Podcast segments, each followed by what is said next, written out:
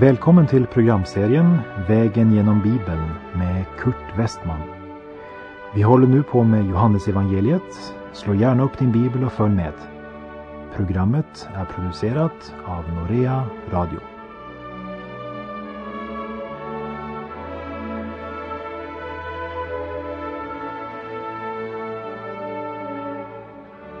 Ja, vi befinner oss fortfarande i Johannesevangeliets sjätte kapitel.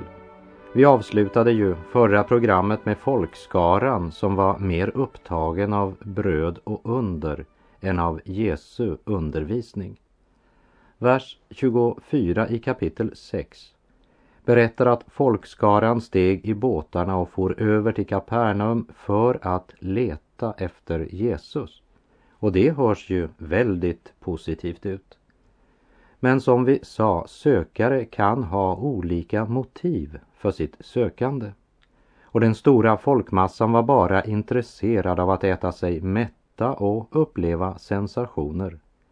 Och istället för att i brödet se tecknet såg de i tecknet bara brödet. Och vi läser vidare från Johannes kapitel 6 från och med vers 33. Guds bröd är det bröd som kommer ner från himlen och ger världen liv. Det bad honom då, Herre, ge oss alltid det brödet. Jesus svarade, jag är livets bröd. Den som kommer till mig skall aldrig hungra och den som tror på mig ska aldrig någonsin törsta. Hur svårt är det inte för Jesus att lyfta deras tankar från det bröd som fyller magen och till det bröd som ger evigt liv. Och trots allt så var mannat som de åt i öknen ett dagligt mirakel och det var ju fascinerande. När Israels barn kommer till löfteslandet så fick de det gamla kornet, säden, på naturligt sätt genom att så och skörda. Det vill säga det krävdes både ansvar och även arbete. Den gamla vanliga säden symboliserar Guds ord. Och en massa människor tycker inte om det gamla kornet. Vi läser verserna 36 och 37. Men som jag har sagt er, ni har sett mig och tror ändå inte.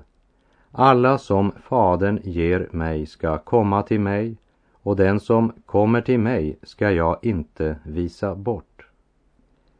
Det är som om Jesus säger, vill ni verkligen ha bröd? Ja, då är jag livets bröd.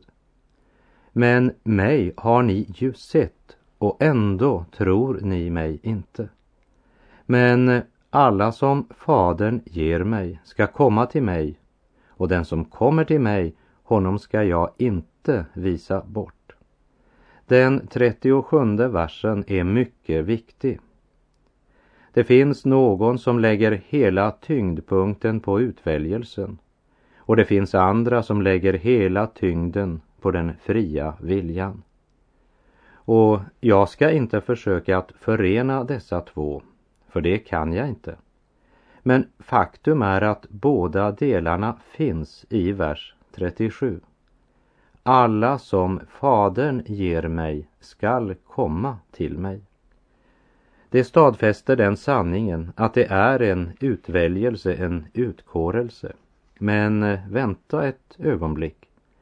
Och den som kommer till mig ska jag inte visa bort, är också sant.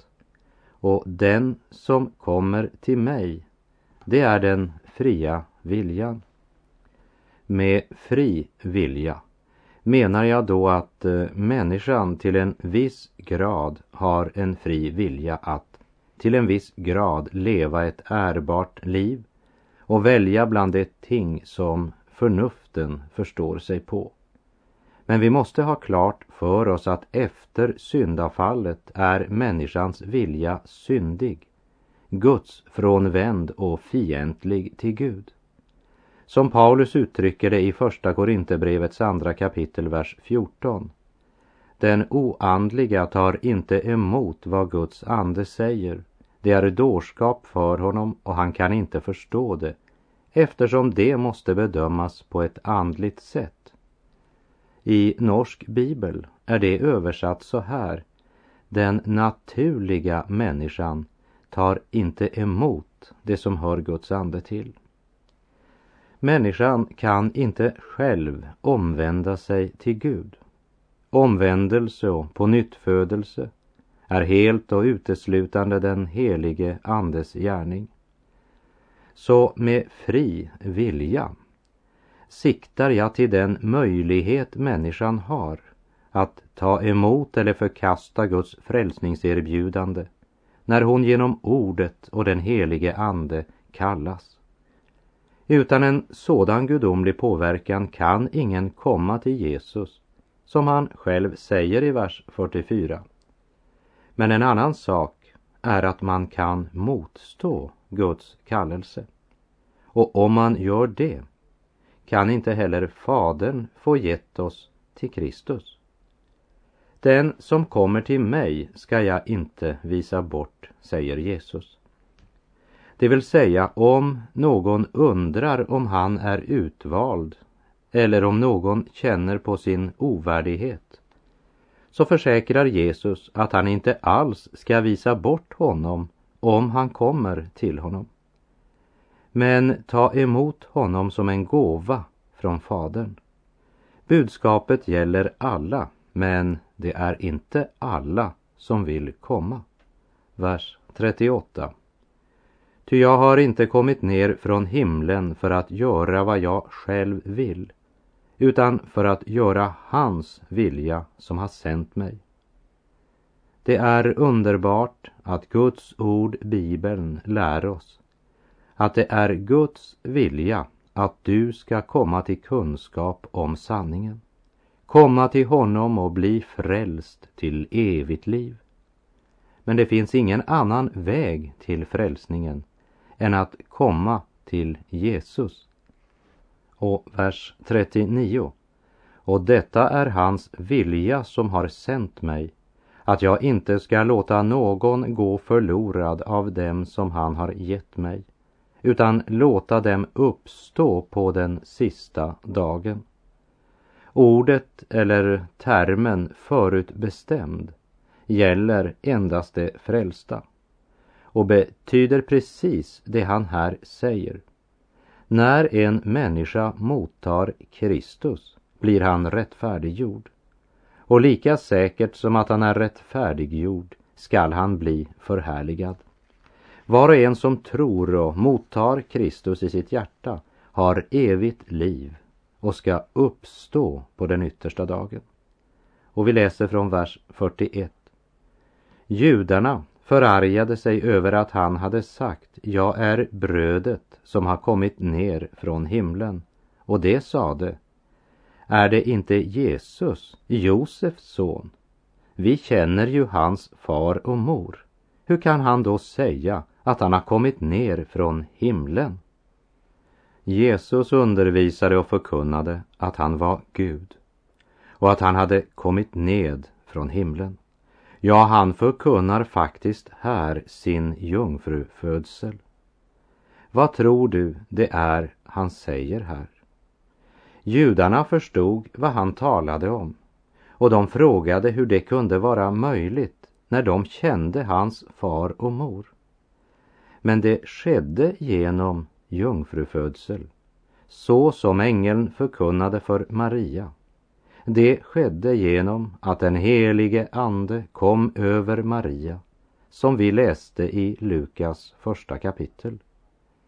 Avsnittet här i Johannes 6.38 är ett komplement eller ett motstycke till jungfrufödseln och behöver tas med bland de övriga skriftställen som vittnar om just hur Jesus kom till vår jord. Vi känner ju hans far och mor. Hur kan han då säga att han har kommit ner från himlen? Svaret heter född av jungfrun Maria. Och judarna hörde Jesu budskap om att han hade kommit ner från himlen Och så svarar de, är han inte Josefs och Marias son? Hur kan han då säga att han kommit ned från himlen? Verserna 43 och 44. Jesus svarade, var inte förargade. Ingen kan komma till mig utan att Fadern som har sänt mig drar honom och jag ska låta honom uppstå på den sista dagen. Jesus försöker inte komma med en förklaring för människans förnuft och det hade ju inte heller hjälpt. För deras otro hade en annan orsak än den de själva sa. Man kan inte i tro komma till Kristus utan att man först får uppleva hjärtats inre påverkan genom nåden. Det som Jesus här kallar för att Fadern drar honom. Han säger inte att alla som dras mot Fadern kommer. Men han säger att ingen kan komma utan att Fadern drar honom. För genom sina ursäkter, motföreställningar och invändningar så kan människan hindra denna dragning. Det är människans ansvar och det är allvarligt. Gud håller dig ansvarig och du vet att du är ansvarig. Eftersom det i Bibelsällskapets översättning från 1917 felaktigt är översatt att eh, det står skrivet hos profeterna, alla ska bli Guds lärjungar. Så läser jag därför Johannes 6, vers 45 ifrån Bo Gerts översättning. Det står skrivet hos profeterna. Alla ska de ha fått undervisning av Gud. Var och en som har lyssnat till Gud och lärt av honom kommer till mig. Så är det också översatt i den engelska King James och även i översättningen från det danska bibelsällskapet 1992 och många andra översättningar. Nu citerar Jesus profeterna och säger Alla ska de ha fått undervisning av Gud. Var och en som har lyssnat till Gud och lärt av honom kommer till mig. Profetskrift efter profetskrift i det gamla testamentet refererar till det här, till exempel Jesaja 54.13 som jag citerar ifrån Norsk Bibels översättning 1988. Alla dina barn ska vara lärda av Herren och dina barns fred ska vara stor. Och i Jesaja kapitel 60, verserna 2 och 3. Se mörker övertäcker jorden och töcken folken. Men över dig uppgår Herren och hans härlighet uppenbaras över dig. Och folken skall vandra i ditt ljus och konungarna i glansen som går upp över dig. Det Jesus säger i Johannes 6.45 är att du ska få höra budskapet. Men det är bara den som lyssnar till Gud och lär av honom som verkligen kommer till Jesus. Det vill säga om du lyssnar till Guds ord och blir en ordets görare, då kommer du till Kristus. Det är vad han säger. Verserna 46 och 47. Men ingen har sett Fadern utom den som kommit från Gud. Han har sett Fadern. Sannerligen, sannerligen, jag säger er, den som tror har evigt liv. Den som har sett Gud är Jesus Kristus, för han har kommit ifrån Gud och den som tror på honom har evigt liv. Det kan inte sägas klarare. Vi läser verserna 48 till och med 51. Jag är livets bröd. Era fäder åt mannat i öknen och det dog. Men brödet som kommer ner från himlen är sådant att den som äter av det inte skall dö. Jag är det levande brödet som har kommit ner från himlen. Den som äter av det brödet ska leva i evighet. Brödet jag ska ge är mitt kött. Jag ger det för att världen ska leva. Mannat och den lag som mannat var ett tecken på. Den lagen kunde inte skänka fäderna evigt liv. För det är endast Jesus, Guds son, som kan ge förlåtelse och evigt liv. Men om Jesus ska kunna ge världen livets bröd måste han ge sitt kött, det vill säga sin kropp, hela sin människonatur. Först när han överger sin kropp till döden till soning för världens synder så kan han erbjuda det bröd som ger världen liv.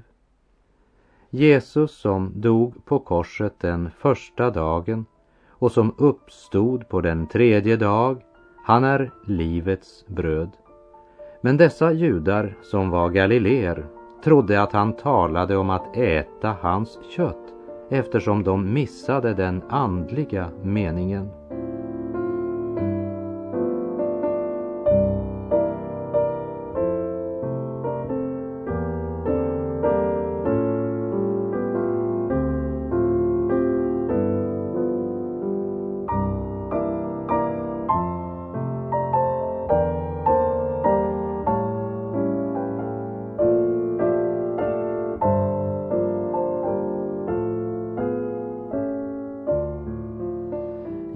Johannes kapitel 6, verserna 52 till och med 58.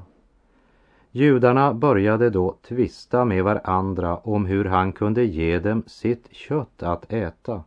Jesus svarade, sannerligen, sannerligen, jag säger er, om ni inte äter Människosonens kött och dricker hans blod, äger ni inte livet. Den som äter mitt kött och dricker mitt blod har evigt liv och jag ska låta honom uppstå på den sista dagen. Ty mitt kött är verklig föda och mitt blod är verklig dryck. Den som äter mitt kött och dricker mitt blod förblir i mig och jag i honom. Liksom den levande Fadern har sänt mig och jag lever genom Fadern skall också den som äter mig leva genom mig. Detta är brödet som har kommit ner från himlen, ett annat bröd än det som fäderna åt. Det dog, men den som äter detta bröd ska leva i evighet. Lägg märke till att Jesus går inte in på frågan om hur han kunde ge dem sitt kött att äta. Men han endast upprepar sitt uttalande i en ännu starkare form och bekräftar det med ett dubbelt sannerligen, sannerligen, jag säger er. Det handlar om att tillägna sig hans gärning i tro. Och allt tyder på att evangelisten har förstått Herrens ord som Jesus här siktar till nattvardsmåltiden. Och liksom Jesus själv oavbrutet får sin livskraft från Fadern. Så skall den troende som livnär sig av Kristus ha livets källa i honom och bli ett med Kristus.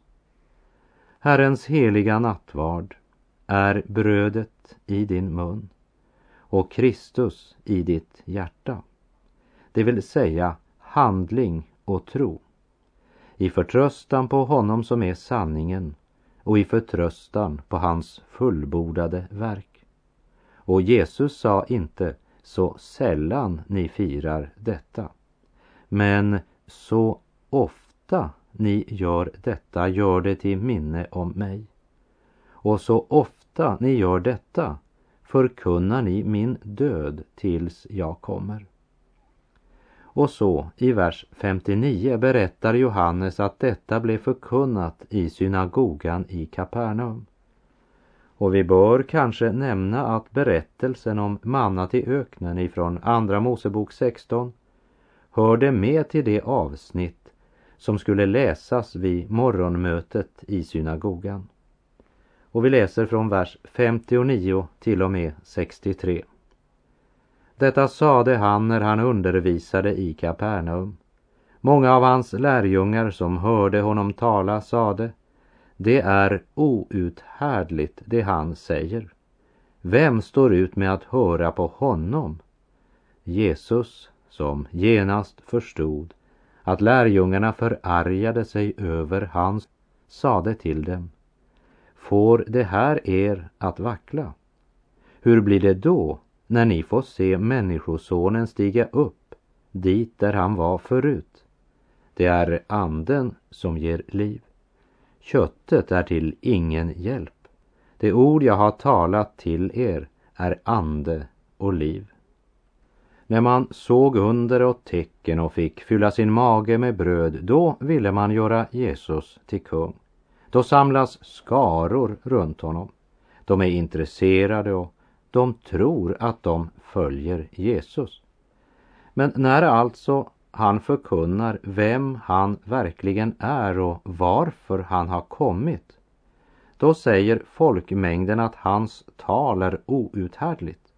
Ja, de säger att de står inte ut med att höra på honom. Och kanske borde vi bli stilla, tänka och fråga oss, vilken Jesus är det vi följer?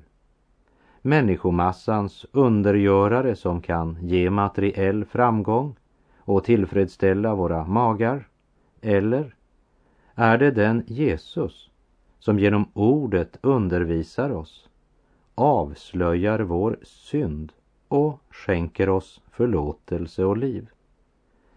Jesus försöker aldrig hålla på en människa mot hans vilja. Men med sitt gudomliga budskap avslöjar han den som följer Jesus utan att tro. Det är anden som ger liv. Köttet är till ingen hjälp. Det ord jag har talat till er är ande och liv. Så klart och så enkelt uttrycker Jesus det. Det var det som förargade människomassan. De ville gärna se under och tecken, men de stod inte ut med att höra hans ord. Tänk att otrons folk, som förkastade sin frälsare, ändå var så upptagna av hans under och trodde på dem men inte på Jesus. Och låt oss inte glömma att de flesta av dem som han här talade till bekände Jesus och alltså därmed hörde till hans yttre lärjungakrets. Vi läser vers 64 och 65. Men det är några av er som inte tror.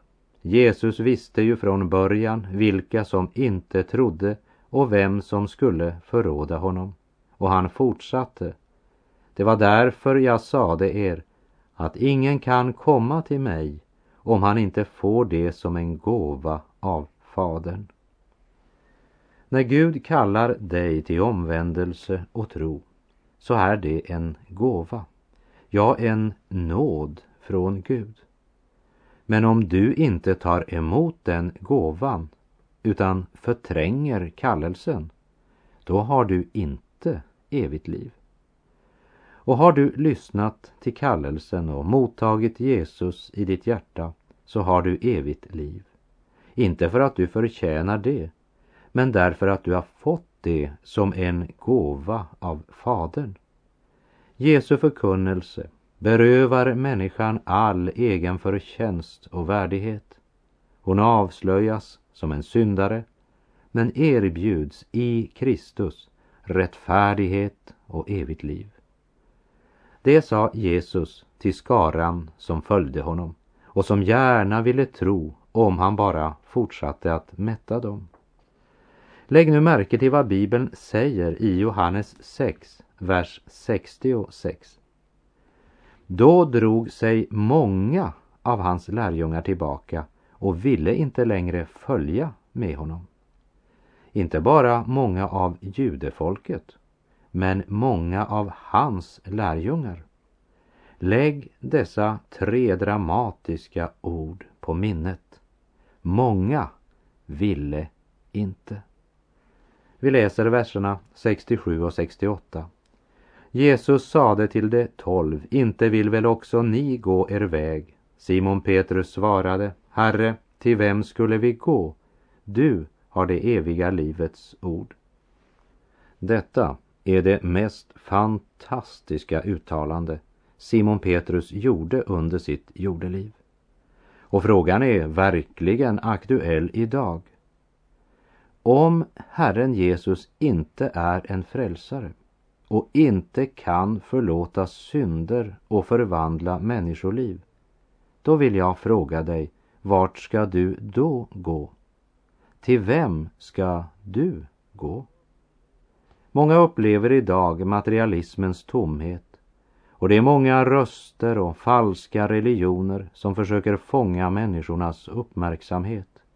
Men det finns bara en som är vägen, sanningen och livet. Jesus har det eviga livets ord. Verserna 69 till och med 71.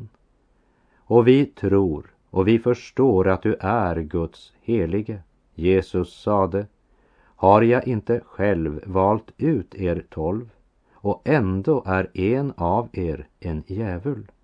Han menade Judas, Simon Iskariots son. Ty denne skulle förråda honom och han var en av de tolv. Denne man, Judas Iskariot, är verkligen ett mysterium. Herren räknar upp honom här bland de tolv och Jesus sa att han själv utvalt honom. Ändå säger Jesus att han är en djävul. Det vill säga han är besatt av en ond demon. Och denne Judas förråder Jesus. Men genom hela sin verksamhet ger Jesus honom många chanser att helt och fullt välja Jesus. Det onda i denna form är det svårt att kommentera. Det onda under det förhållande vi här läser om. För mig är det i alla fall något av ett mysterium. Liksom det onda tid är ett mysterium, vilket är en av de orsaker som gör det onda så attraktivt för människan efter syndafallet. Det onda är ett mysterium. Låt mig ta ett exempel. Om jag ber 50 människor att rita ett rakt streck på 30 centimeter så ser alla strecken nästan helt lika ut. Men om jag ber 50 stycken att rita ett krokigt streck så får jag 50 olika teckningar. För var och en ritar ju så som han tänker sig det krokiga strecket. Och det kan ju vara krokigt på tusen olika sätt. På samma sätt är det onda ett mysterium och jag måste bara erkänna att denne Judas Iskariot som jag läser om i evangelierna är svår att beskriva. Och här säger vår kärleksfulle frälsare rakt ut om honom att han är en demon. Vilken kontrast till Simon Petrus vittnesbörd. Du har det eviga livets ord och vi tror och vi förstår att du är Guds helige.